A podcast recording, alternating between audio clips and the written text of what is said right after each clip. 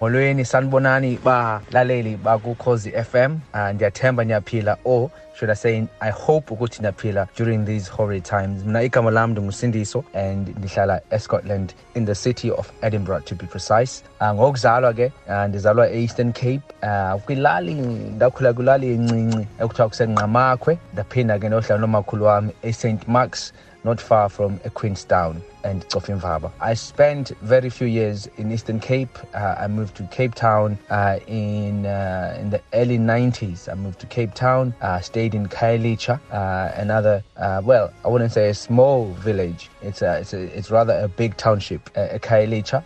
and then in the early 2000s, I moved to the UK and Nahlala, London. I moved from London to Manchester, then back to London until dahlangana nentokazi enhle o umawayo owase Scotland ubaba wayo. Owasejamaica so she's a, she's a, mixed race. So ngihlala lana escotland nomfazi wami nabantwana bam abathathu. What i love about scotland or edinburgh to precise is that it's a beautiful historic city with beautiful buildings. If you're a person othanda i-art othanda uthatha izithombe uh, it also hosts the biggest festival in the world. Uh, it's a music and arts festival. So for those of you abathanda umculo abathanda i-stage nok-actor anything to do with the arts this is the best place to be because it hosts the biggest festival from the beginning of august until the end of august which is the biggest and the longest festival uh, in the world. Uh, what i love about scotland as well is that it's a very uh, welcoming city. Abantu balana are very welcoming uh, regardless of your race your ethnicity or your background. So it's a loving city it's a beautiful city.